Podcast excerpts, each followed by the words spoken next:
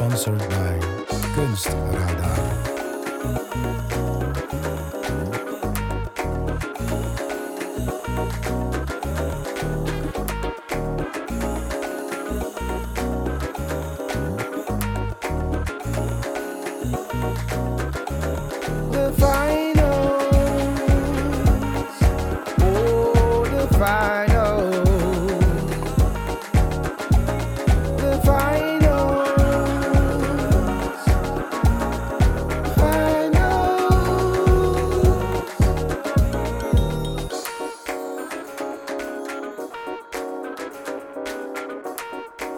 Dank jullie wel, eh, Henning en Eddy, voor de mooie intro die jullie voor ons gemaakt hebben. Yes, en welkom Anne en Sam, Samuel.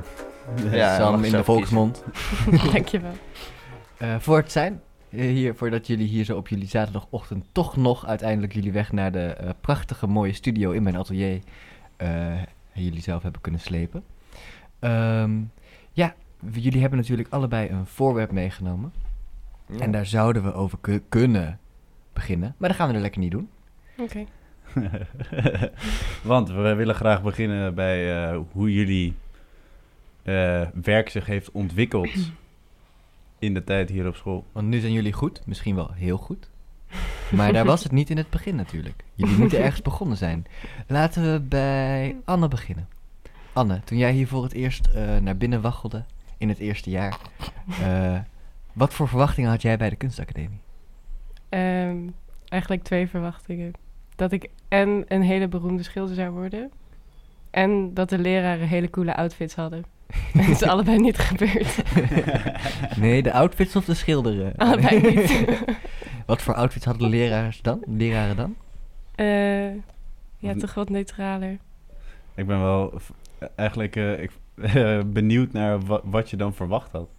Qua outfits. Ja, zo hoe... Hoe- Eh, Ja. grote brillen, statement kettings, hoge hakken, Statements, Meer- kettings, expressiever. Expressief. Ah, nou, Ja, dat, dat hebben ze inderdaad niet. Ja, Want jij wilde, jij wilde schilder worden, zeg je. Had Ja. je al veel geschilderd toen Ja. je hier aankwam? ja. Wat- Eh, Wat ja. schilder je? Ehm, nou, ik begon met ehm wings poppetjes en diddelplaatjes natekenen als kind. Ja, en toen eh, eh, deed ik veel, ehm, ja, soort van fantasie landschappen met figuurtjes. Allemaal fantasie. En ehm, toen ehm, ging ik de vooropleiding doen eh, hier op Artes. En toen we- wilde ik abstract gaan schilderen. Ja. Dus dat heb ik een tijdje gedaan. En toen, ging ik, toen werd ik aangenomen en toen ben ik eigenlijk meteen gestopt met schilderen. Hoe Grappig. Het is echt een heel jaar vol met eh, vooropleiding mensen. Ja, Ja, iedereen vooropleiding. ja we hebben Ja. ook veel de vooropleiding samen gedaan. Ah, Hm. Interessant. Ja. Ja, iets vragen. Was er, was er een reden dat het er in één keer zo uitgeslagen werd? Of, eh, Nou, ik heb... Vond je ik, iets eh, anders? eh, ehm, ja, in het eerste jaar heb je natuurlijk zoveel verschillende vakken. Dus ik eh, leerde eigenlijk andere dingen kennen en vond dat eigenlijk veel leuker. En het past ook beter bij mij. Dus in het eerste jaar eh, deed ik vooral veel fotografie. veel fotografie? Ja, nou ja, dat vond ik echt heel erg leuk. En sculpturen maken ook. In en pas in de, in de tweede ben ik pas begonnen met film. En toen ben je film gaan doen. Wat voor films maakte je toen in de tweede?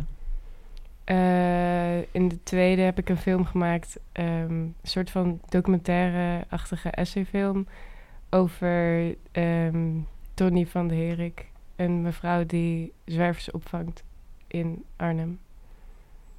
Hoe heb haar leren kennen? Ehm, ze, he- ze heeft haar hele raam vol hangen met foto's. Ehm, En tussen al die foto's hing een, een telefoonnummer om te doneren. En toen heb ik dat telefoonnummer gebeld. En toen vond ze het eigenlijk heel erg leuk om met mij te praten. En toen hebben we een half jaar heel veel telefooncontact gehad. En toen op een gegeven moment dachten we... oké, misschien is het wel leuk als we een keer afspreken. Dus je hebt een soort telefoonrelatie. Ja. ja, klopt. En hoe, hoe, hoe ging dat dan? Hoe vaak belde je haar dan per week? nee, Of zij hoe- belde mij. Zij belde jou? ja, zij, zij belde mij bijna iedere dag. En waar had je het dan over? Ehm, eh, over haar verleden. ehm, nooit over mij. het ging altijd over haar. Ehm, ja, over haar verleden als zwerver en prostituee. En hele heftige verhalen die zij eigenlijk eh, van haar hart moest hebben. En eh, waar ik denk dat ze eigenlijk ook niet zoveel luisterende oren heeft. Dus ik eh luister er daar Dus gewoon jij- naar. Het is Ja. wel echt bijzonder, hoe, hoe- want ik ken meerdere films van jou natuurlijk. Ja. En in elke film komt wel iemand voor die, die eh, zich helemaal los durft te laten bij jou. ja, ik denk omdat mensen toch wel een verlangen hebben om gehoord te worden. En als je, daar, als je, naar- als je luistert, dat ze ook echt heel veel geven. En dat Ja. ook heel erg... eh, ehm, ja, het, het maakt niet echt per se werk over hun, maar met hun. En dat is wel... eh, ik denk Maar dat zij dat ook Je bent dus ook echt een wel een goed luisterend oor dan. Want ik bedoel, ik weet niet of ik dat los zou kunnen krijgen bij iemand, zeg maar.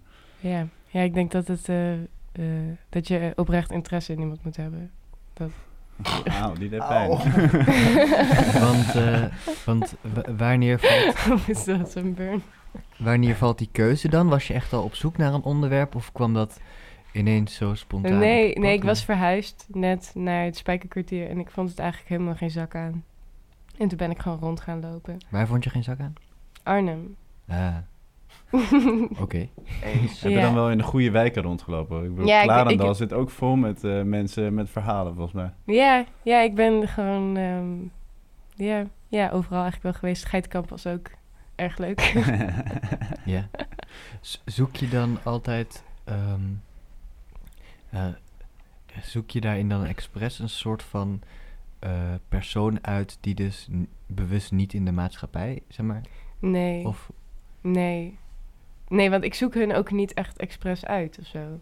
Het is meer dat het contact ontstaat. Het contact ontstaat. Maar het zijn En het wel zijn de mensen- een beetje frappante figuren, toch? Mm, Nee, niet altijd. In de, in de film waar ik afst- mee afstudeer zitten twee mensen die gewoon super normaal zijn. en één een beetje minder. Maar ja, nou, ze hebben ook wel eh, eh, een eh, bagage of ja zoiets. mensen die mooi kunnen vertellen, denk ik. Ben jij vanaf de tweede toen ook eh, echt specifiek op film gaan focussen vanaf toen? Ja, En eh, ja film en fotografie. Trouwens, maar mijn fotografie loopt wel altijd aan de, aan de zijlijn, hoe- zeg ik, kan je dat zo zeggen? Van mijn eh, filmprojecten. Dus het, het eh, zou je kunnen zeggen dat je fotografie dan ook echt een registratie is? Of eerder- Nee, het is geen registratie, maar het is eh, Een soort van research of zoiets. ja, een manier om, om mensen beter te leren kennen. Zo. Het is meer in het voorstadium van dat ik mensen portretteer. Eh, Mhm. En hoe leer je ze dan beter kennen door ze te portretteren? nou, want ik verwijs nu natuurlijk naar een specifieke fotoserie. eh, waarin ik aan mensen heb gevraagd eh, een foto aan mij te geven van een dierbare herinnering of ervaring eh, waarmee ze hun uitzicht zouden willen vervangen. Om die ervaring opnieuw eh, met hun eh, huiskamer te verbinden. Eh, en ze daar, daarvoor, voor dat raam portretteer ik ze dan. Dus dat is een, een hele intieme, persoonlijke situatie die dan ontstaat. Eh, wat ook veel ehm, losbrengt bij die personen die geportretteerd worden. Hm. Ja. Ehm, ja. Ik denk op die manier dat, die, dat dat contact wel versterkt ook. Neem je dat dan eh, mee naar huis als je iemand zo portretteert in zo'n emotioneel moment? Of hoe, hoe sta je daar eh, tegenover als dat gebeurt?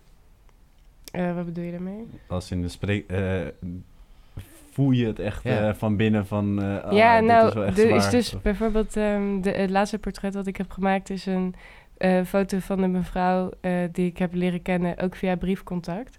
Eh, zij woont in Duitsland en zij heeft haar man verloren twee jaar geleden. En zij heeft haar man in haar raam, een foto van haar man in haar raam eh wilde ze hebben. En dat was super emotioneel, want zij zag eh, haar overleden man levensgroot naast haar staan. En ze, ja, ze, begon, ze was gewoon super emotioneel. Ik kan dat niet van me afzetten of zo. Ja. Dat, eh, tuurlijk neem ik dat mee. Ja. Maar sla- eh, slaap je er ook slecht van dan? Of, eh, nee, ik slaap er niet slecht van. Nee. Want, Ik ben wel benieuwd hoe je dan... eh, hoe je dan weer contact krijgt met iemand in Duitsland via brief, via de, via de post. Zo- Ja, dat was tijdens wel. uh, coronatijd dat, eh, dat ik een film wilde maken over een gebouw. En ehm, ehm, dat de, de, ik ga het niet helemaal uitleggen over die film, dat is misschien een beetje te lang. Maar de, er was een man die in dat gebouw eh, gewoond heeft voor twee jaar. ehm, en die daar een politieopleiding heeft gedaan onder nazi-regime. En ehm, dat gebouw staat op de hoek eh, in het dorp waar mijn ouders wonen Mm. waar ik opgegroeid ben. En ik vond dat super intrigerend. En ik wilde eigenlijk contact hebben met die man, omdat ik wilde weten hoe het is na zoveel jaar ehm, eh, om die ervaring te hebben en om daarmee te leven. Dat je eigenlijk in de oorlog fout bent geweest. Mhm. En hoe daar, eh, ja, hoe dat je leven beïnvloedt. En dat was eigenlijk een interesse.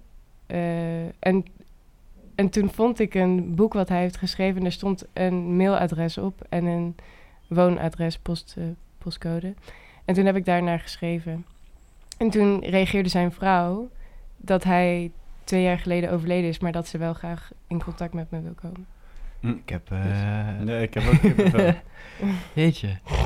Wat ik, wat ik mij afvraag, eh, het lijkt altijd een gigantisch poëtisch gebaar in wat, je- alles wat je tot nu toe hebt verteld. Dat, eh, dat, dat merk ik meteen, dat raakt me echt zo heel direct. Ik Hmm. weet niet wat het is, misschien de manier hoe je dat vertelt, maar het doet wel meteen eh, iets. Maar dan, eh, omdat het het allemaal doet tot nu toe, vraag ik me af. Want je zat dan in jaar twee en toen ben je op film gaan focussen. Hoe is dat dan geëvalueerd nog binnen het medium film? Was je eerst heel stuntelig daarin? Of? Nee, ehm, eigenlijk niet. Ik denk ehm, eh, dat film echt eh, heel dicht bij me ligt, ook qua... Dat, het gaat me vrij makkelijk af op zich. Het filmen zelf en het editen vond het meteen echt superleuk. En ik merkte ook dat ik er goed in was. Ehm, en toen ben ik eigenlijk films van al mijn familieleden gaan maken. Dus zo heb ik veel oefening. Ik, ik kan me heel erg duidelijk voor de geest, komt er volgens mij jouw tante, ja, die dan voor de computer zit. is mijn En oma. dan is je oma met Country Roads. Ja. En dan staat dat liedje op en dan is ze aan het meezingen. Eh, ja. En het is zo... Dat is, dat is ook het mooie aan, aan, eh, aan, eh, aan jouw films eigenlijk. Dat je best wel serieuze onderwerpen hebt. eh, en er toch altijd echt gewoon goede vleug eh, humor in zit eigenlijk. Door. Doordat die mensen zelf gewoon lekker hun ding doen. Ja, Maar je zegt dat je er eigenlijk dankjewel. altijd al, eh, ja, als een, het klinkt een beetje als een vis in het water, Hm. eh, eigenlijk daarin terecht bent gekomen. Eh, ja, wat is er, hoe ben je daarin geëvalueerd dan in die twee jaar? Dat vraag ik me af. Ehm, nou, ik denk door het heel veel te doen. En nu ook toch wel af te stappen van eh, het maken van films van familie, maar echt naar een veel grotere context te gaan. Ehm, dat gaf veel meer uitdaging, maar ik heb er ook echt heel erg veel van geleerd. Eh, dus Zit- da- daar zit wel echt een evaluatie. Want eh, wa- waar heb je dan, in welk aspect heb je dan eh, geleerd? Bijvoorbeeld, edit je anders dan in het begin? Nee, ik edit niet per se anders, maar de informatie is... Het is ten eerste zoveel meer. En de informatie is zo, heeft zoveel meer gewicht of zo.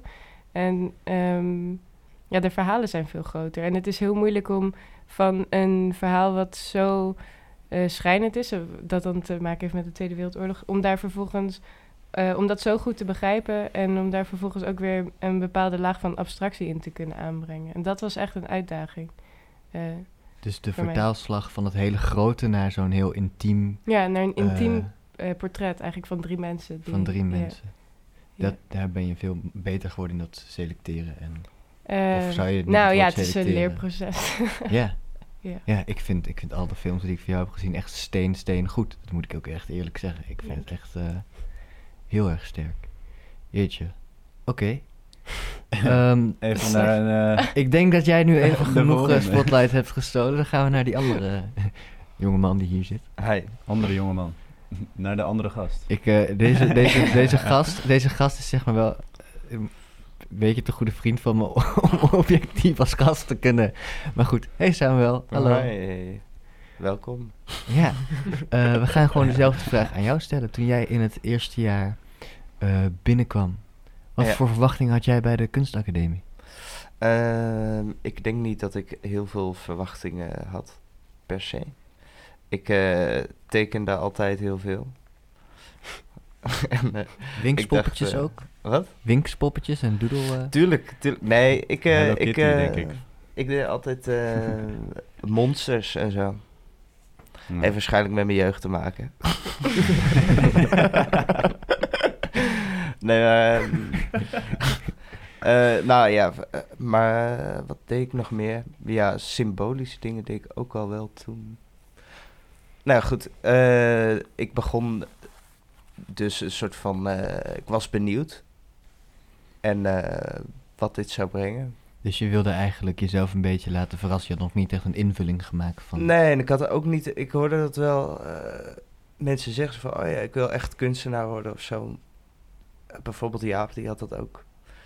Maar eh, ik had er zelf nooit zo heel erg zo van, oh ja, dat is echt wat ik wil of zo. Nee. Een kunstenaar worden. O- Ondertussen wel? Of- Nee, nog steeds niet eigenlijk.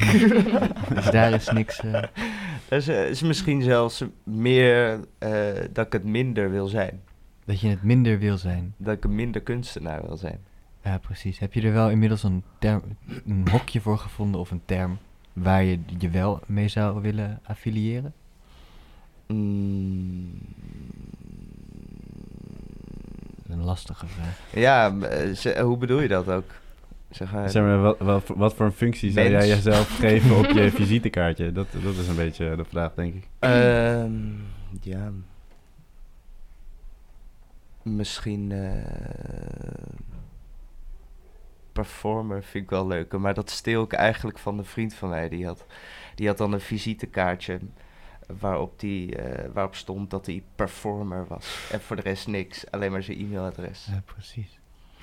Je, net zei jij dat je, dat je in Een de... heel ruim begrip. Dat Ja. past ook wel bij. Net, net zei jij eh, dat je al bezig was met symboliek. Ja, In de eerste. En voor de kunstopleiding ook al? nou ik begon eigenlijk met tekeningen maken over pijn. Ja.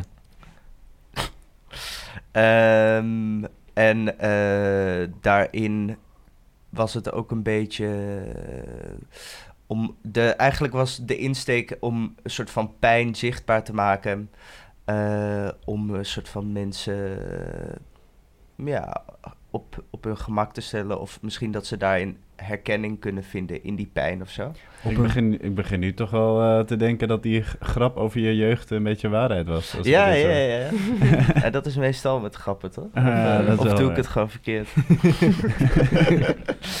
en, maar eh, dat, eh, en tegelijkertijd toen op een gegeven moment switchte het een beetje naar zelfpijn ging, omdat ik toen heel erg zo'n idee kreeg van, oh ja, maar eh, we doen allemaal onszelf pijn, dus dat wil ik dan zo heel erg zo de broadcasten. ascese van de kunstenaar, ja.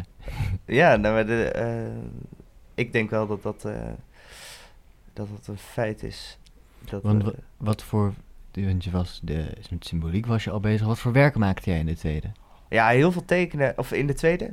Ja. Eh, nou, ik begon dus heel erg met tekenen. Op een gegeven moment dacht ik, oh ja, nu eh, ga ik eens wat anders doen. Dus toen ging ik naar sculpturen, ook omdat ik een beetje eh, tekeningen een beetje dood vond of zo. Zo plat, niet echt levendig. Terwijl sculptuur is gelijk iets of zo, of dat staat gelijk in de ruimte. Eh, en is aanwezig op, op een veel levendigere manier, vind ik. Ehm, en eh, Zat er toen- iets van de tekeningen in de sculptuur? Ja, meestal begon ik met tekeningen en dan ging ik daarna... Ik kwam er soort van achter van, oh ja, maar die tekeningen, dat zijn eigenlijk ook een soort van beginsels. Dat is geen woord, volgens mij. Wel? Jawel. Ja, Ja, ja, ja, kan wel. Beginselen. Oké, ja, het was, waren beginsels en die eigenlijk dan vertaald zouden kunnen worden naar sculptuur. En dat ben ik toen ook gaan doen. Dus dan meestal maakte ik tekeningen en dan Mhm. ging ik dat omzetten. Want jij, ja, ik weet toevallig dat jij heel veel schrijft. Ook. Ja. Deed je dat ook al? Eh, ik heb dat, dat denk ik eh, sinds mijn middelbare school ben ik begonnen met schrijven. Ja, ja. Eind van de middelbare school was het eerste verhaal wat ik ooit schreef. Nee. Maar eh, daar begon het wel een beetje. En om dat echt deel te laten maken van mijn praktijk heb ik heel lang mee geworsteld. Ook omdat ik een beetje. mm, Het wordt al heel snel een soort van eh, kut. om om, om eh, tekst eh, op een. Ja, bijna visueel te maken of zo. Of Mm. om, om tekst. eh, de textuele aspecten te gebruiken in een werk. Bijvoorbeeld een tekening met tekst erbij of zo. Dan wordt heel Mm. snel wordt het een beetje... Maar, ja, maar dit is wel iets wat je doet toch met je, met je performance? nou, op een andere en manier. sculptuur. Ik wou zeggen, dit, dit doe jij toch, Anne? Of, Ja, schrijf, of schrijf je niet wel, toch? Jawel. Ja. Dat is eigenlijk precies wat hij zegt waar hij moeite mee heeft om die tekst om te zetten in beeldvorming. Ja. Doe jij dan in film? Wat Ja. misschien wel een makkelijkere vertaling is trouwens. Maar. ja, misschien wel. Want film heeft toch altijd tekst wel, vaak. Bijna Ja. wel. Maar het is niet dat jij die tekst schrijft voor die, voor die mensen, toch? Nee, maar wel scripts voor de atmosfeer. Oh. Hoe schrijf je Ja, ja. een script voor een atmosfeer? Ja, dat vind ik ook wel eh, Ja. Eh, En toen Nou, kwam er met- mist. met, dat zal je zelf misschien ook wel eh, ervaren soms. Dat met, eh, met poëzie dat je makkelijker een gevoel kunt krijgen voor wat je wil. Of een... ehm, als ik dan bijvoorbeeld een film maak over een gebouw... dan heeft dat gebouw een bepaalde eh, atmosfeer... en een bepaald gevoel wat ik erbij heb. Eh, wat dan bijvoorbeeld bij mijn familie vaak nostalgie is. Of ehm, ja, bij de kazerne is het een soort van eh, hele beladen eh, sfeer wat er rond hangt. Mhm. En dat is moeilijk om dat in woorden te brengen. Maar ik denk dat het met poëzie wel... eh, dat het wel een soort van... Ja... Kan, of zo. Ja, Probeer, probeer, probeer jij dan ook in, in, in je schrijven, in je poëzie, in je proza, probeer je daar dan ook een sfeer te raken? Of probeer je eerder een, eh, een, een concept te vangen? Mm, ik zou zeggen ehm, concept vangen, maar eh, de sfeer is ook belangrijk. Maar dat zit hem niet zozeer in... eh, nou, soms wel in het beschrijven van de sfeer. Maar meestal heeft dat ook heel erg te maken met eh, bijvoorbeeld de zinsopbouw of eh, de, de, mm, eh, de stroom van woorden eigenlijk. Mhm. Of zo. Daar- Want- dat vind ik altijd wel leuk om een beetje mee te spelen.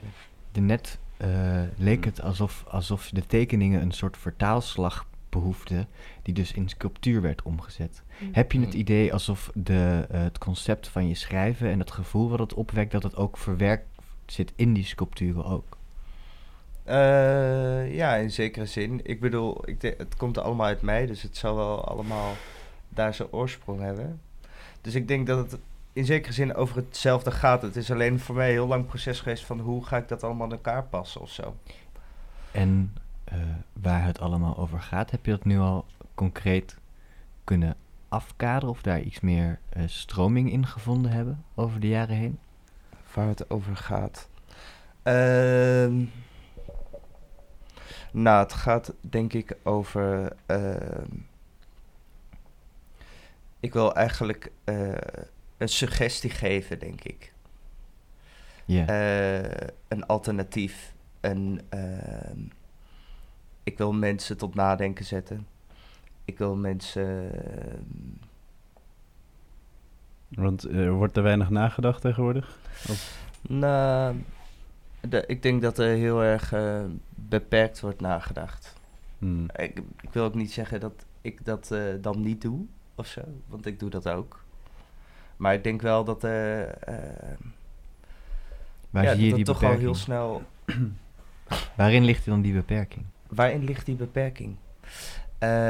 Ik denk omdat veel mensen ehm, het moeilijk vinden om eh soort van buiten zichzelf te stappen of zo. Of om, om, om juist eh, minder, minder bezig te zijn met wat zij vinden of wat zij denken dat goed is. Of, eh, ik, bedoel, dat is ook goed om daar stevig in te zijn, denk ik. Maar eh, als dat te afgesloten wordt, dan, ja, dan verlies je ook een bepaalde soort openheid of zo. Hadden we maar een luisterend oor.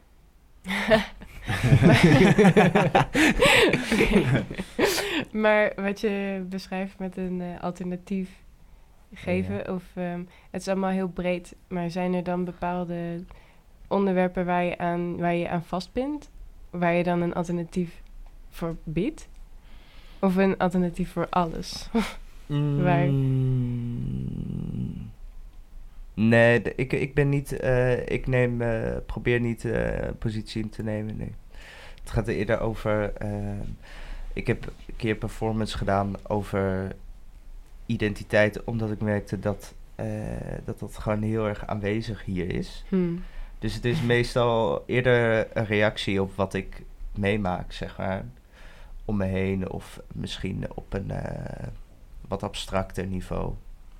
Maar het is wel een reactie van: oké, ik zie dit en dit en dit. Maar waarom? Die vraag stel je. zo dan? Ja. Ja. Waarom, waarom is dat Dus dat dan? is eigenlijk wordt je werk gekenmerkt door een bepaalde werkwijze. Wat toepasbaar is op meerdere dingen die je... Ja, ja. die- En ik ben ook daarin dus ook niet gebonden per se in medium. Ja. Vind ik zelf, hè. Uiteindelijk zijn het natuurlijk sculpturen en performance. Mm. maar- Ja. Dat kan ook. eh, heb voor die eh, identiteitsdingen heb ik bijvoorbeeld ook een certificaat gemaakt. Dat vond ik dan ook een goed medium. En, en de, de werkwijze die komt dan overeen met, een, met die soort van schijnposities. Waarin je dus zelf niet per se een positie aanneemt, maar eerder een... is misschien te veel invullen. Maar ik vraag me af eh, hoe je die schijnpositie dan aanneemt. In de suggestie die je wekt. Mm. Hoe ik de schijnpositie. eh,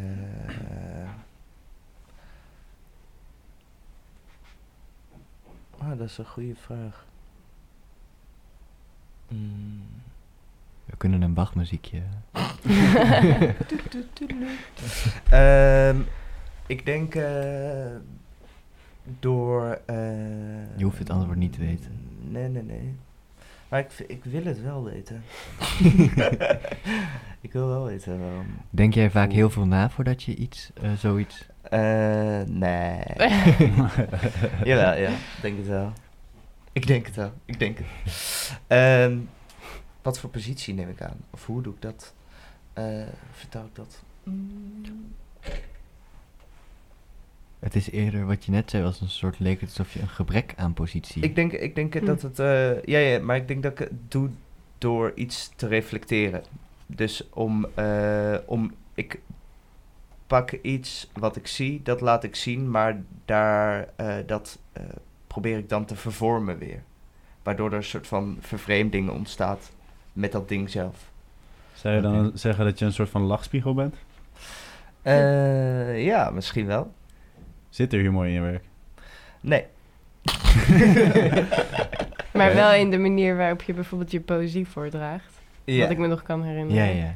Samuel die is een keertje naar, eh, naar een poëzievoordracht gekomen. Had hij een heel klein opgevouwen propje of iets, een heel klein gevouwen ding. En toen ging hij daar staan en langzamerhand werd het dan een soort van A1-formaat die die gigantisch zo in de lucht hield. Waar hij dan zijn tekst van, eh, van, voor, van voorlas. Dat was wel heel mooi, hè? Heb je dat ook nog gedaan met een hele kleine? Eh, nee. Het was een eenmalig, eh, eenmalige iets waarvan ik dacht van... eh, ik, wilde, ik wilde iets anders van maken dan, eh, dan ze gewoon... Oh, ik lees mijn tekst voor en dit zijn problemen hier alsjeblieft. Ja. Anne, laat, la- laat jij je poëzie wel eens horen aan anderen? Of is het echt gewoon Nou, alleen het- voor je eigen Ik research? zou het niet echt eh, mijn poëzie noemen. Ik schrijf gewoon Je atmosfeerpoëzie. mijn atmosferische teksten. Eh, nee. Hm. Zelfs niet aan familie of eh, vrienden? Of, Nee, ja, één keer aan Laura. ja. Eén keer tijdens een artistic Wat research beoordeling. Ja. Ja, heel erg eh, mooi. En toen wilde ze graag eigenlijk dat ik dat bij iedere presentatie soort van benoemde. Ja. Ehm, Maar dat heb ik niet gedaan. Heb je niet die, die film van jou over de ramen? Ja, daar zit het wel in. Ja, ik wou net zeggen, dat is zo'n zo'n soort Ja. van gedicht. Ja, is meer een soort van. eh, ja, dat is een, ehm, een reactie op een, eh, on- een- op een boek, eh The Poetics of Space van Gaston Bachelard. Waarin ehm, ik vond dat hij te weinig over ramen praatte. dus toen heb ik een, een, een missend hoofdstuk, een film, wat een missing chapter. Eh, over ramen gemaakt. Ik vond dat er in Bellen en Beest ook verdacht weinig over maar- cactussen gezegd Ja. werd. Hij- Eh, Nou, ja. Hij had Nee, maar wel ramen? hoofdstukken over deuren en eh, eh, Ja, over, muren? over deuren, trappen, huiskamers, hoekjes. Oh, en en ramen werden... Ja, het is helemaal een beschrijving van het huis. Maar ramen werden echt heel weinig eh, beschreven. En ik vond juist de wisselwerking tussen binnen en buiten heel interessant. Dus toen heb ik daar een film over gemaakt. Eh, maar kan ik hieruit concluderen dat er je aandacht eh, ligt bij datgene wat misschien een beetje over het hoofd wordt gezien?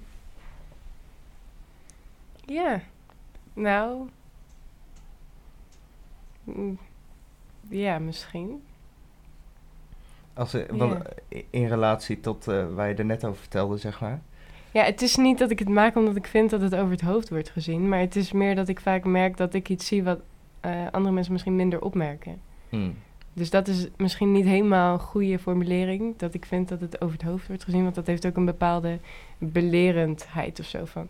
Dit, eh, dit moet je zien. Zo. Nu we gaan laten zien wat jij erin hebt gezien. Ja, ik zie gewoon bepaalde dingen. Of bepaalde... eh, eh, ja, ja. En dan wil ik... Ja, dan maak ik daar werk Want, van. want jij, jij gaf in het begin gaf jij aan dat jij werk maakt met de mensen eh, die je filmt. Ja. Eh, hoe zou je dan jouw, als net hadden we het best allemaal over posities, hoe zou je jouw positie daarin dan zijn? Faciliteer je dan hun verhaal of geef je ze een stem? Of hoe? Ja, dat is wel een goed eh, punt wat je aansnijdt.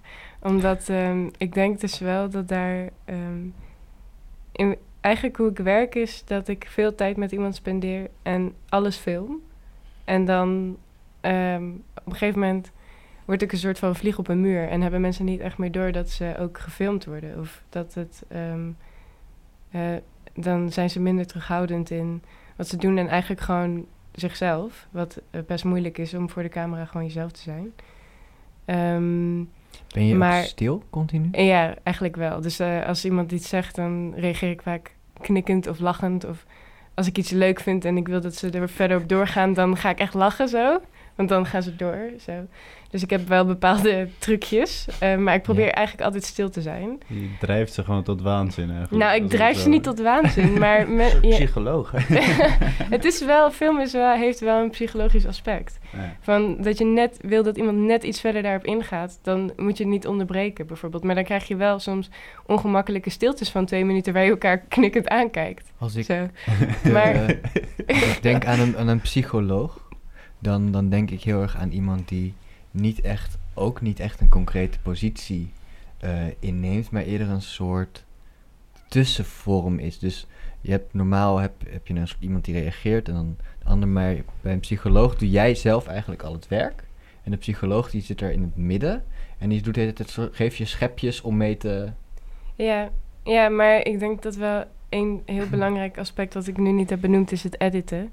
Want daarin wordt wel echt heel erg ehm, mijn, eh, mijn hand zie daarin terug. En ehm, ik, ik leid mensen wel door verschillende ruimtes en eh, lichte dingen uit waarvan ik wil dat je ze ziet. Maar dat zijn wel echt hele bewuste keuzes van waaruit wat je ziet is van waaruit je zelf als kijker het verhaal moet construeren. En dat lijkt heel erg objectief, maar in hoe dat is samengesteld is dat eh, toch wel heel erg eh, subjectief. Want eh, de, het klinkt heel erg alsof je in de editingruimte dan de controle neemt over Ja, het beeld. Klopt. Heb je dan ook het gevoel alsof je dan de controle meer kan verliezen tijdens het filmen? Dat je dan gewoon dingen laat gebeuren? Of? Ja, het is een beetje een wisselwerking. Ik sta eigenlijk open voor alles wat er gebeurt.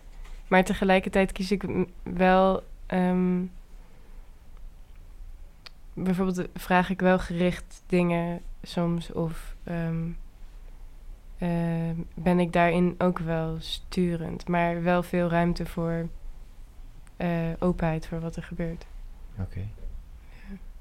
Ehm, ik denk dat we naar de voorwerpen kunnen gaan.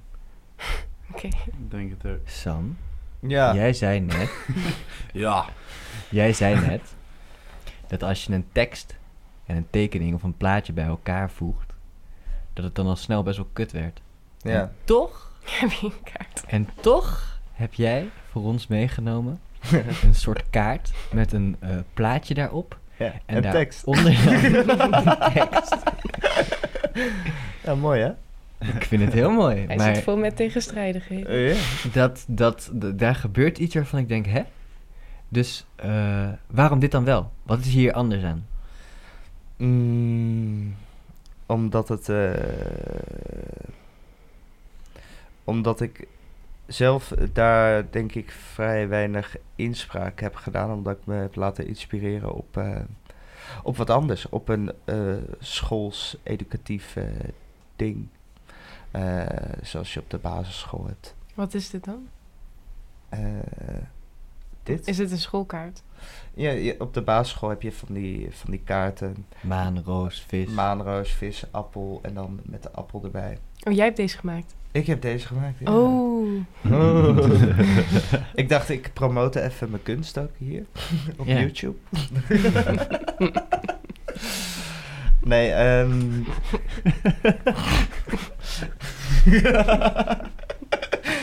Ehm,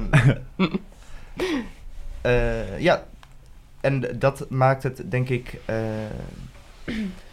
omdat het al bekend is, maakt het het minder. De, de speling zit ergens anders. Zit, zit niet in de combinatie tussen tekst en beeld, want die is vrij bekend in deze vorm. Neem ik aan. Dus je probeert, dus je hebt de vorm gepakt die er al bestond. Ja, Van de tekst en de tekening. Waardoor Ja. het ineens, eh, waardoor je de worsteling binnen het format van zo'n, wat een schools iets hoort te zijn, kunt leggen. ja en, en daarmee ook op een bepaalde manier daar commentaar op he- eh, heb. Of in ieder geval op, op eh, misschien de ambiguïteit van taal eerder misschien. Ja. De ambiguïteit van taal. Is dat een, een thematiek die vaker voorkomt in jouw werk? Mm, nou, ik schrijf veel, dus het heeft wel altijd met taal op een of andere manier te maken. En taal is heel aanwezig. Ja, In eh, nu ook, hè? op zich. En, eh, want het lijkt niet echt op een, op een uitroepteken, zo'n ding. Zo'n soort van, kijk, taal is eh, heel moeilijk en ingewikkeld. Want nee.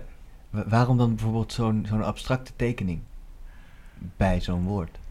Mm, dat gaat... eh, Welk woord staat erop voor de, voor de luisteraars? Ja. Afspraak. Er staat afspraak op. En eh er is een abstracte afbeelding daarboven. Dus het gaat over... eh, Met felle kleuren en... eh, ja, en eh, vierkanten en ook eh, wat organischere vormen. mhm. Ehm, Hoe komt zo'n tekening tot stand? oh jee. Eh, gewoon ehm, Gewoon geïnspireerd. tekenen. ja, gewoon tekenen. En eh, meestal wel heb ik eh, het woord in mijn achterhoofd. dus in zekere zin is het een. eh, probeer ik een abstracte versie van het woord te maken. Omdat, eh, naar mijn mening. ehm, of niet naar mijn mening. dat Maar is, dan eh, van de- Taal is in deze abstractie van hetgene wat het representeert. Maar Ja, het woord afspraak... Sorry. Ja. Het woord afspraak is wel een heel eh, zwaar woord. Ja, vind je? Ja, vind ik wel. Hoezo? nou, omdat het iets, eh, iets is... Je kunt het in meerdere contexten natuurlijk gebruiken. Maar wat ik meteen aan denk is... Een afspraak is iets, iets waar je aan houdt of iets waar je aan verbindt. eh, en wat je vervolgens ook niet na kan komen. En je hebt allemaal kleurtjes. En het is heel erg... eh, Ja, jij denkt inderdaad in de hele klassieke, strikte zin. ja, en dat is misschien ook wel een beetje dan hoe Samuel het zegt, afspraak. Ah ja. Dat ik dan denk van, oh ja, dit klinkt wel als iets wat je ook bezighoudt of zo. Afspraken. Ja. Mm, nou, ik had Tijd komen. eigenlijk... eh, eigenlijk, Oké, dat is voor eh, ons beiden. Eigenlijk eh, heb ik meerdere gemaakt. En was eh, het woord afspraak wilde ik eigenlijk eh, in relatie trekken tot de andere kaarten die andere woorden hebben. Hm. Zodat er eh, een verhaal ontstaat tussen de woorden zelf zonder daar expliciet op de nadruk op te leggen. Dus het is een, een, eh, snapshot Hm. van, van het eh, geheel. Dus de, te- de tekeningen zijn een serie geworden en daardoor zijn de woorden ook aan elkaar gelinkt geraakt. Ja, als bijvoorbeeld de andere woorden die ik had waren eh pond, eh, afspraken dus, valstrik, eh, valstrik eh, brief. als je die woorden bij elkaar eh, zit, dan ga je denk ik al heel snel een soort van zelf een verhaal erbij verzinnen. Maar Terwijl- afspraak en valstrik, dat versterkt elkaar ook wel. Ja, ja, ja. Ja. Maar, Had je niet dus- ook een woord wat helemaal niet bestond? Oh ja, ja, ja, ja, dat had ik ook, maar dat was meer uitproberen. Ah.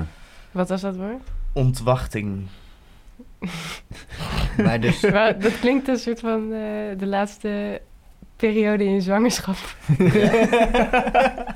heet dat dan? Ik ben nu aan het ontwachten. ik zit in de ontwachting. het klinkt als Oh, iets wat, eh, verwachting, ontwachting. Ah, ja, ja.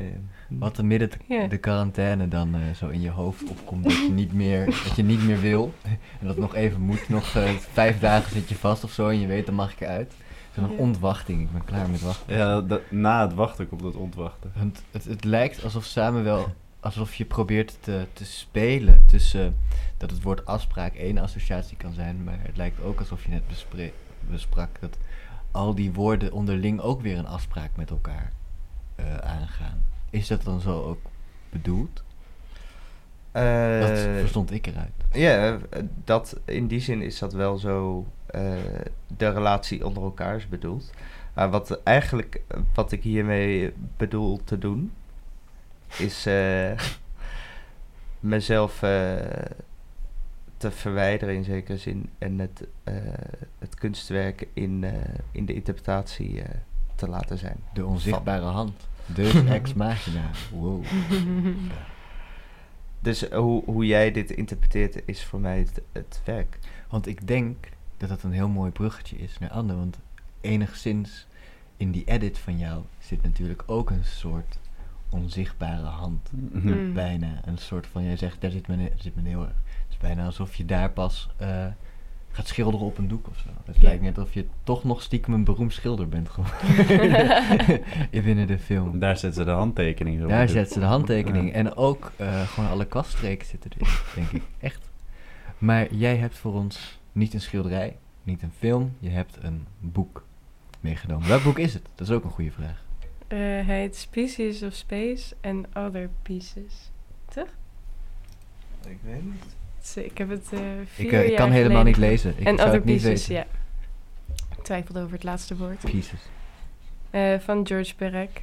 Perec. Die naam Ja. heb ik vaker voorbij horen komen. Ja. Wel een leuke man ook. een van mijn lievelingsboeken. ja. Hij ziet er Ehm, heel lief uit.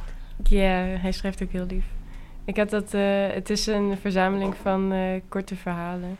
Ah, Ehm. En ik heb dat boek meegenomen omdat het ehm, ja, toch wel een grote inspiratie was. Voor mij echt al heel lang geleden. Ehm, Waar gaat het over? het gaat over, nou, Het zijn korte het verhalen. zijn korte verhalen, maar wat hij beschrijft is eigenlijk eh, datgene wat niet gezien wordt. Hoe noemde je dat nou? Het alle, wat, eh, het, ehm, Wat jij wil laten zien of zo. Ja, jij, had daar een woord voor, maar ik weet even niet meer wat het was. Eh, dat wat niet gezien wordt. Nee, Wat, wat, wat voor woord? Jij, jij, Dat jij je had net een vraag vroeg. aan haar. Over, dus ik kan Oh. concluderen dat... Ja. Ja, ja, ja de- over het hoofd gezien? Ja, over het hoofd gezien. Dat, Ja. dat bedoelde ik, ja. Ehm, en daarin beschrijft hij bijvoorbeeld eh, eh, alles eh, wat er zou kunnen afspelen achter het eh, behang. Eh, of de rol van een tafel, een eettafel in een huiskamer. Ehm, eh, de mensen die hij ziet op straat. Maar ook, eh, er is ook een hele serie waarin die alles wat op aanzichtkaarten is geschreven heeft verzameld en allemaal systematisch onder elkaar heeft gezet. Het is eigenlijk een verzameling van allemaal dingen waar je normaal niet aan denkt, maar wat wel echt ehm, je ogen opent voor. Ja, ik vind het alledaagse zo'n stom woord, maar het is Ja. wel een beetje zo. Want Ja. het, het klinkt alsof hij het aan de ene kant, als je dit zo zegt, een eettafel in de huiskamer en ook wat daar zich achter het behang afspeelt. Er zit een soort voor mij, een, klinkt alsof een opsplitsing is. Als in eh, een eettafel, die zie ik. Ik zie dat die bestaat. Maar hij is zo genormaliseerd dat, het, eh, dat ik het over het hoofd ga zien, omdat het zo normaal is dat ik aan een Ja. eettafel zit. Terwijl achter het behang, ik weet niet wat er niemand denkt daarover na. Ja, en hij heeft En- een hele poëtische insteek daarin. Van, Eh, eh, zou je dat kunnen toelichten? zijn me- poëtische insteek. Ja. Nou, ik denk dat, het, dat de poëzie al zit in dat hij bijvoorbeeld bepaalde dingen systematisch dus op, eh opsomt, waar je normaal niet over nadenkt. Dus bijvoorbeeld alle plekken waar die, alle hotels waarin hij heeft geslapen in zijn leven. En dat, eh, dat somt hij allemaal op en daar, daar, ik denk in die werkwijze zit al een bepaalde eh, poëzie en een bepaalde, ehm, ja, je, je, je leest heel erg de blik waarmee hij kijkt naar dingen. En dat vind ik heel erg mooi. Je leest de blik waarmee die kijkt Ja. naar dingen. Eh, hij is gewoon goed in het beschrijven van wat hij ziet. Ja, Ja. Want- ja, en hij doet dat op zo'n manier dat je ook enthousiast wordt als je op straat loopt. Dat je dingen ziet en dat je denkt van, ah, ik heb dat gezien. Dus, ja. Want, want wat ik me dan afvroeg, de dingen die je dus niet eh, ziet, dus wat je echt niet ziet en wat je, eh, wat je over het hoofd ziet, eh, waar in dat spectrum zou jij zeggen dat je je bevindt?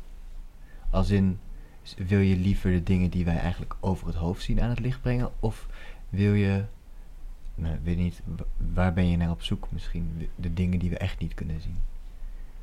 ja, dat zei ik ook al eerder. Ik hou me daar niet echt heel erg mee bezig. Het is meer dat, dat ja. Ja, ik hou me er niet echt mee bezig met dingen die niet gezien worden uit te lichten of zo. Of per se het banale of het alledaagse een soort van een voetstuk te geven of, of op een voetstuk te plaatsen. Daar hou ik me niet echt mee bezig. Maar ehm,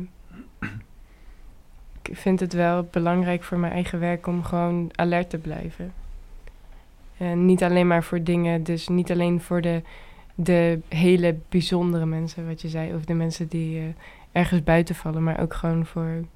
Eh, Jullie doen het eigenlijk precies hetzelfde als eh, hoe jij vertelt over dit boek, toch? Jouw observaties breng jij in beeld. ja, ja, en zijn werk, zijn, zijn manier van schrijven heeft ook echt eh, mijn werkwijze beïnvloed. Hm. Ja. Hoe? Ja. Hoe heeft hij dat gedaan? Zijn manier van schrijven? Wat bedoel je? Wat van jouw werkwijze is beïnvloed door zijn manier van schrijven? Ja, ik denk toch wel dat eh, dat poëtische, poëtische eh, in relatie tot het, eh, tot het normale of zo. Je vindt in het, normale zit dus heel veel poëtisch voor Ja. jou. Hm. Eh, wat- mag ik ook wat vragen? Ja. Ehm, wat, wat raakt jou dan zo ontzettend veel eh, in deze schrijf of in dit boek? Zeg maar, wat, wat pakte jou hierin? Eh, ja, dat ik me eigenlijk bewust word, werd toen ik dat las. Dat al die dingen waar hij over nadenkt, dat die voor mij zo genormaliseerd zijn. Dat ik daar, dat ik eigenlijk dacht van, oh, ik loop echt eh, de, te dagdromen de hele dag. En zit zo in mijn eigen wereld en zie helemaal niet wat er om me heen gebeurt. En doordat hij dat beschreef, eh, eh, ja, werd ik me daar meer bewust van, voor mezelf. En werd het dan ook een soort van dat je daar de hele tijd mee bezig ging blijven? Dan Nee, het is meer dat het een soort van een knopje aanging of zo. Mm. En toen, vanaf toen op de achtergrond een beetje... Een, Maar ja, een, een knopje eh, van wat, wat ging er aan? Eh, ja, dat is misschien een beetje overdreven. Wakker geschud. Ja, nou meer... Woke ja, as fuck. ja, woke as fuck. ja, dat Sean. Verlicht. Verlicht. Ja, er zijn heel veel woorden die daar kan koppelen Ja. natuurlijk. alles, alles. Ja. Maar was je vraag ook weer? Wat, ik, eh, wat Weet het knopje aanging? Ja, Ja. Ja. er hoeft geen woord voor te zijn. Nee, het... eh, Maar ik- ging je je bijvoorbeeld anders gedragen op straat of zo? Ehm, nou, wat ik bijvoorbeeld ging doen, is... eh, Ik kreeg opeens een beeld voor me, sorry. ik ging me niet anders gedragen. Ja, ik, had, ik, wat een mooie baksteen. ik had meer het gevoel, ik had meer het gevoel Ik dat ze opeens Sven als een, gezien eh, als een eh, soort van speurhond zo snuffelend over de grond ging Ja, of zoiets. Maar ja, misschien... Nee, het is gewoon... Ik ging me niet per se anders gedragen of zo. Het is een beetje overdreven, maar ik eh, ging meer om me heen kijken, denk ik. En ineens telefoonnummers bellen. Van, eh, Precies, ja. ja. Ja. Ja, Open dat vind ik ook nog steeds een heel bijzonder eh, Ja. aspect van jouw eh, eh, praktijk, zeg maar. Maar- Dat je gewoon random mensen in contact raakt met random mensen en je laat het ook overkomen alsof het zo Oh, uit, Maar het, het uit is het ook- niets is gekomen. Terwijl Maar je het- eigenlijk wel naar, op zoek bent gegaan, Mm. maar ze komen gewoon zo naar je toe. Ja, dat, dat is er niet helemaal zo. Maar ik denk dat het toch wel een soort van... Ik merk dat heel erg bij ons... Als ik dan over mijn werk praat, soms met eh, andere mensen van onze leeftijd. Dat het toch wel, ehm, dat contact heel erg eh, een soort van, dat het, dat het dan een reactie is van, oh, maar dat is echt, eh, oh, dat lijkt me ook super eng of zo. Of, ehm, ja, van, hoe- maar hoe kom je dan in contact en hoe praten al die mensen dan tegen je? Maar eigenlijk, dat gaat zo natuurlijk. Mhm. Maar ik denk dat, dat dat contact vaak niet aangegaan wordt. Terwijl het eigenlijk helemaal niet, het is niet... eh, Nee, het contact hebben lijkt me juist eigenlijk wel grappig. Maar Ja. eh, het, eh, inderdaad, hoe, hoe, hoe je erop komt om zomaar brieven te gaan schrijven en zo, dat is dan ook wel gewoon een stukje van jouw praktijk gewoon. Maar ja. Want je, je gaf aan bij, bij de eerste film over die eh, dakloze mevrouw... ehm, dat jij eigenlijk voor haar een luisterend oor was. Ja. eh, waardoor zij dus ineens heel veel ging vertellen aan jou. Is jouw relatie tot de mensen met wie je dan... eh, met wie dan dus dat contact komt, is het altijd een luisterend oor? Of hoe stel je je daarin op? Vaak wel, ja. Ja, eigenlijk toch wel. Is er nooit een ja, di- dialoog of een Nee, soort weinig. stroef? Ja, dat is wel een goede vraag, want dat is inderdaad wa- wat eh, weinig is. Er wordt mij ook nooit iets gevraagd. Die mensen waar ik contact mee heb, weten eigenlijk ook niet zo goed wie ik ben.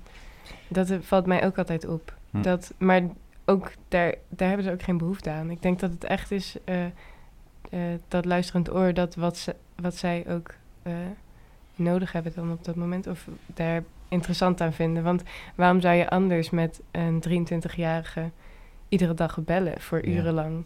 eh, maar, maar ja, ik wil net zeggen, want ik heb, eh, als de camera erbij is, snap ik best dat, ze, dat jij niks terugzegt. Maar Ja, Eh, tuurlijk zeg ik wel het- wat terug tijdens het Nee, maar ja, telefoongesprek. Wil je een, kopje, koffie? Vrij weinig.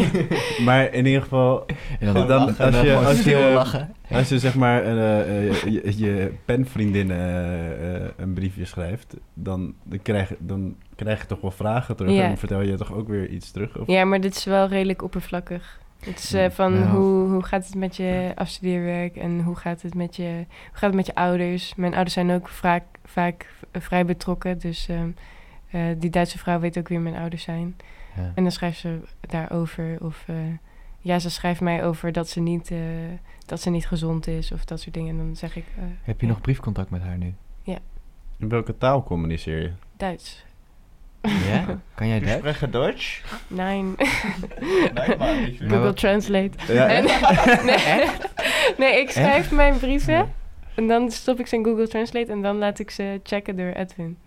Edwin of die me. course. kan Duits. Die is Ja, eh, die kan Duits. goed in Duits. Ja. En dan eh, verbeteren we ze. Maar het lijkt me ook heel gek om eh, een vrouw van een, iemand die in het nazi- nazi-regime heeft gezeten, om daar dan leuk over welke tompoes je hebt gegeten bij de verjaardag. Of, Ja, maar dat is toch wel realiteit.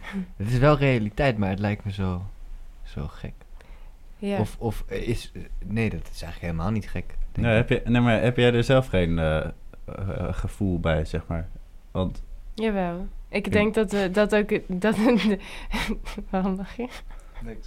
Oh, ik denk dat ook wel een deel van waarom ik ook de noodzaak dit voel soms om te doen... is ook dat ik wel denk van die mensen zijn ook echt heel erg vereenzaamd.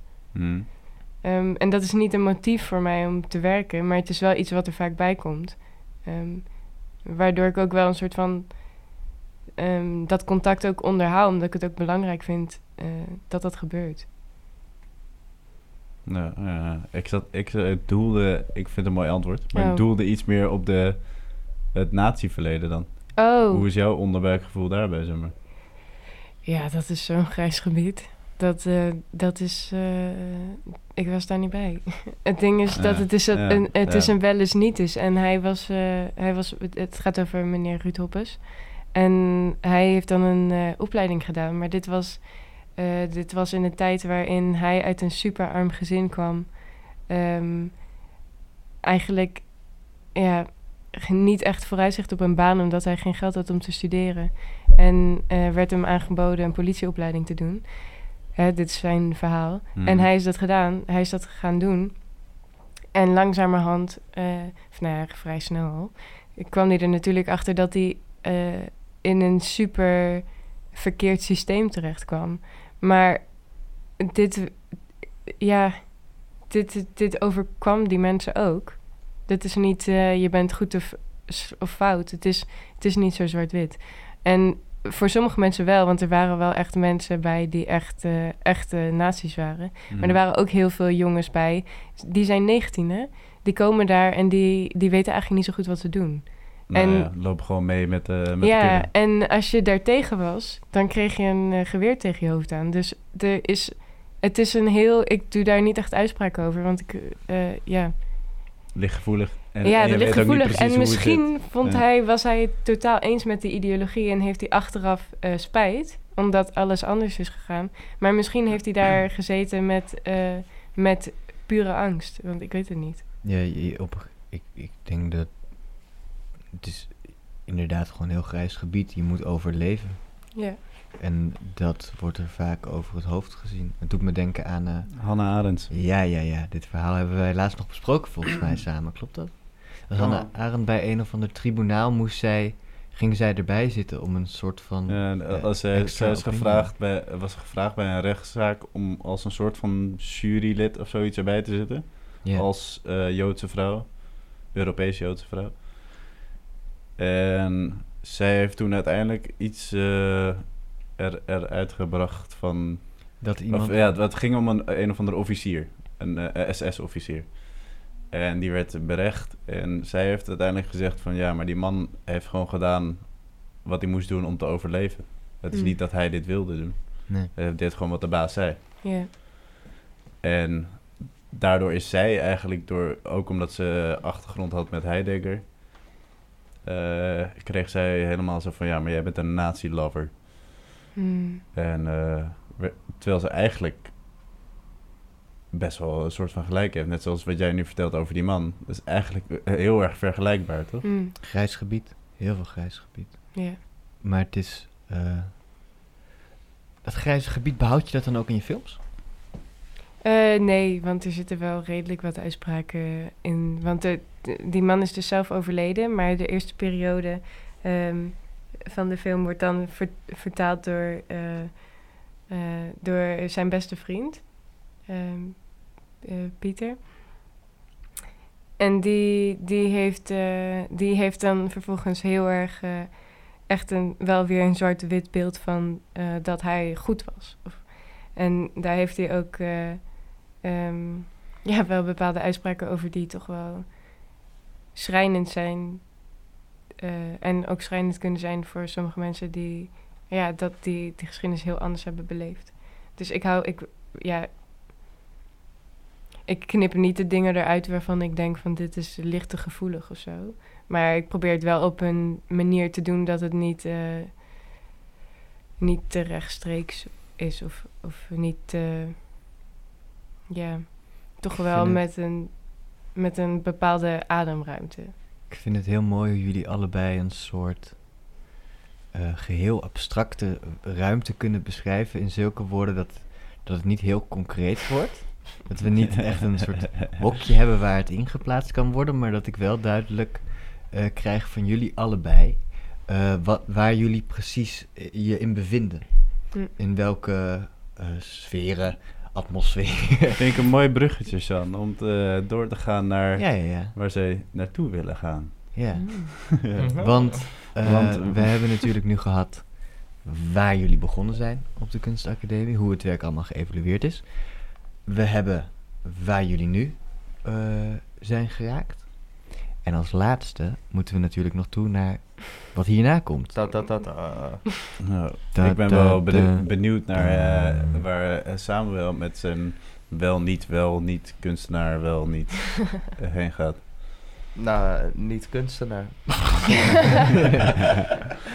Lekker Eh, concreet. eh, De kunstenaar die ontkent dat hij een kunstenaar is. Ja, basically. Titel van je eerste boek. Eh, ik- ik zou wel meer willen doen met mijn schrijven. Denk dat het meer die richting op eh, zou gaan. Of projecten doen. We hebben ook projecten eh, gedaan of zijn we bezig nog een beetje met schrijven. Ja, klopt. Ja, we hebben eh, voor Tube Light hebben we geschreven. Ja. Samuel heeft mij flink achter mijn kont aangezeten om iedere keer de tekst te verbeteren. Het is een, echt een betere tekst ervan geworden. Dus redigeren, dat was jou aan het doen. Inderdaad, zie je dat dan ook echt eh, bij zoiets, bij zo'n schrijversplatform, zie je zelf daar ook eh, redactiewerk? En of zie je meer echt het schrijverschap, het autonome, ik wil iets publiceren? Wat, hoe zie je Eh, ja, jezelf? ik wil daar gewoon wel meer, meer in ontdekken. Ik, ik, ik, ga de, ik zou waarschijnlijk, als ik me daarin ga bevinden, dat ik ook zou moeten redigeren. Niet dat ik dat per se leuk vind of goed kan, denk ik. Maar daar kan ik wel in ontwikkelen, denk ik, en is misschien nodig. Maar het leukste vond ik eigenlijk het project bedenken en uitvoeren. Ja, Ja. En dat, het- dat is waar, waar het voor mij over gaat. En zelf schrijven blijf ik gewoon doen. En eh, dat, eh, ik zou het ook leuk vinden om het uit, te uit te geven. dat zou eh, mooi zijn. Dus als er nog In een vorm- uitgever luistert. In de vorm van een boek, dus. Ja, in de vorm van een boek. Of eh, het leukste zou ik het vinden om het misschien net... misschien het format van het boek, om daar iets mee te kunnen doen of zo. Om te kijken hoe dat eh, net eh, op een andere manier te doen dan gewoon een standaard boek. Hmm. Het klinkt eh, een mooi streven. Ja. Maar eh, nog niet concreet. Nee, maar dat hoeft Dat toch hoeft ook niet. niet. Nee. Nee. En Anne, Hollywood. Hollywood met Brad Pitt, Leonardo DiCaprio, Ja. als Tony.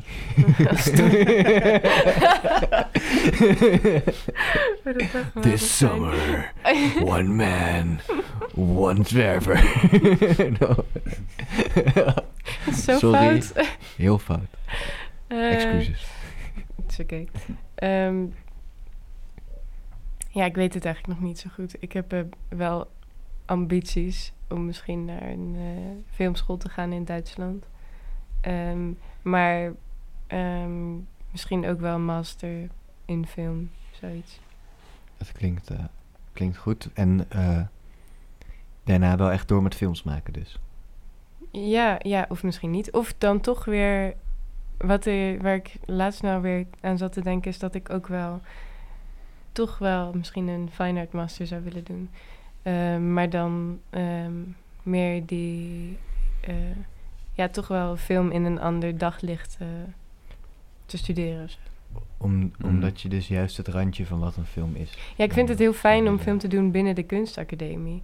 En ik weet niet hoe het is om film te doen binnen een filmacademie. Of dat dan veel ehm, ja, officiëler of veel meer regels aan zitten. Of eh, misschien commerciëler. Ik weet niet zo goed eh, Ja. eh, wat de voor's en tegens daarvan zijn. En dat is iets wat ik moet uitzoeken. Ik, kan, ik kan me inderdaad best wel voorstellen dat documentaire stijl ook inderdaad veel meer verschillende stijlen heeft. Dan, want jij hebt natuurlijk inderdaad een vrije kunst documentaire stijl aangenomen. Ja. Vraag me inderdaad af hoe dat gebeurt, eh, eh, wat er gebeurt als je naar een filmschool gaat. Ja, Dan kom Ja, je toch wel in af. Hollywood terecht opeens. Nou ja, het is echt niet zo dat iedereen eh, natuurlijk in Hollywood terechtkomt. Nee, maar ik denk dat Eh, juist omdat je op een kunstacademie zit, wordt het vanaf een totaal andere hoek benaderd. ja, klopt. Waardoor het nu denk ik echt iets idiosyncratisch is. Dat je gewoon echt een soort van je eigen... Ja, het ding is dat, dat je eigenlijk vrij weinig begeleiding krijgt in de praktische dingen. Tenminste, ik. Oeh, dat vindt Edwin misschien niet leuk als ik dat zeg. Boeien. De weinig uh, ja, filmtechnische feedback natuurlijk. maar dat geeft ook Sorry, ja, ik wou dus zeggen, om het nu weer goed te praten, dat het ook wel veel uh, ruimte geeft. Uh, en juist dat daar niet naar gekeken wordt, dat het, dat het verhaal uh, belangrijker wordt dan techniek. En dat is iets wat ik waar ik wel achter sta. Okay. Ja, maar dan is de keuze om uh, juist je te gaan verdiepen in de techniek. Ja, is, ja, en ik zou ook wel um, mensen willen ontmoeten die, om mee te werken. Gewoon heel praktisch gezien. Ik Want nu is het een uh, one-woman show. En die uh, is wel een beetje vermoeiend. One-woman army. oh, als... die fiets, dat je, dat je andere cameramensen en zo Ja, heel krijgt. praktisch. Het is echt, het is vreselijk veel werk om eerst de mensen te zoeken, het contact te onderhouden, te filmen, te editen, het geluid Ja, te doen, ja. de kleurencorrecties, alles. Maar dan raakt het wel jouw touch kwijt. Ja, n- nou, dat Nou, Ja. weet ik aan de ene kant denk ik dat de juiste... Ik kan hier nog een uur over praten, maar ik denk dat we dit gesprek een andere Ja. keer nog moeten gaan voeren. Ehm, ik denk dat we jullie hartstikke moeten bedanken. Ja. Ik vond het eh, hey, jullie bedankt ook. Ja, wat lief. Geen dank. Echt leuk dat jullie dit eh, doen. zijn gaan doen. Ja. Ja, fijn dat jullie hier toch nog op de zaterdagochtend eh, Ja, tuurlijk. jezelf naartoe hebben Voor jou alles. Wat, Ja, wat stiekem middag is geworden. Wat maar stiekem maar- middag is geworden. Sorry. Eh, maar ik denk dat we daarom jullie precies goed hebben gematcht, ook wel weer. Ja. Ehm, dus nogmaals hartstikke bedankt eh, dat jullie er waren. Eh, dit is zeg maar het moment waar je dan schaamteloos jezelf mag pluggen. Ja. Dus als je Ja. nog een website hebt, of een Instagram, of een telefoonnummer, of een eh, poëziebundeltje, of een, eh, wat het ook mag zijn, ga je gang. Anne. Anne. Oh, oké. Nee, dus wel, jij mag eerst. Ik, eh, ik heb op het moment. eh, Je hebt een niks. telefoonnummer, toch? Ik heb een telefoonnummer. Dus als je hem wil bellen. maar met welke interesse geef je die dan? Eh, ik heb ook eh, Facebook. Ik heb ook eh websites Misschien eh, kun die nog niet af is. Oh, wacht, laat maar. Je ga, ga verder. Ga verder. Ja? Wat wilde je zeggen? Nee, ik dacht als jij gaat zeggen dat je geen eh, website of Facebook of iets hebt, dan, je- zou je misschien een, eh, een, eh, een versje eruit kunnen gooien om jezelf te promoten. Oh, Een versje. een versje.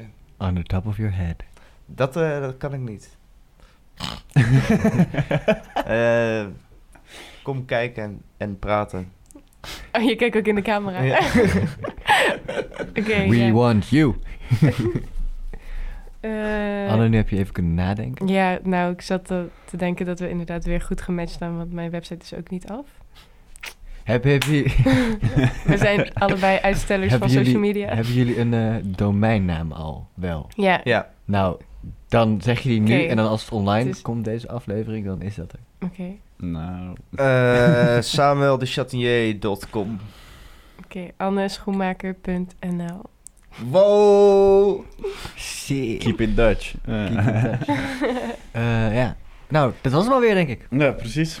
Hartstikke vandaag. bedankt. Hartstikke bedankt. En succes bij de finals. En succes bij de finals, inderdaad. En we hopen jullie daar eh, weer te zien. Het is een omstand nu, volgens mij. dat is het Ehm, Ja. plan. ja. Maar, maar, in de tussentijd hebben wij alweer vernomen dat er mogelijk nog een andere locatie bij komt. Wellicht. Ja. En eh, daar horen jullie allemaal luisteraars binnenkort meer over. Zeker waar. Doei. Doei. Sponsored by Kunstradar. Thank you.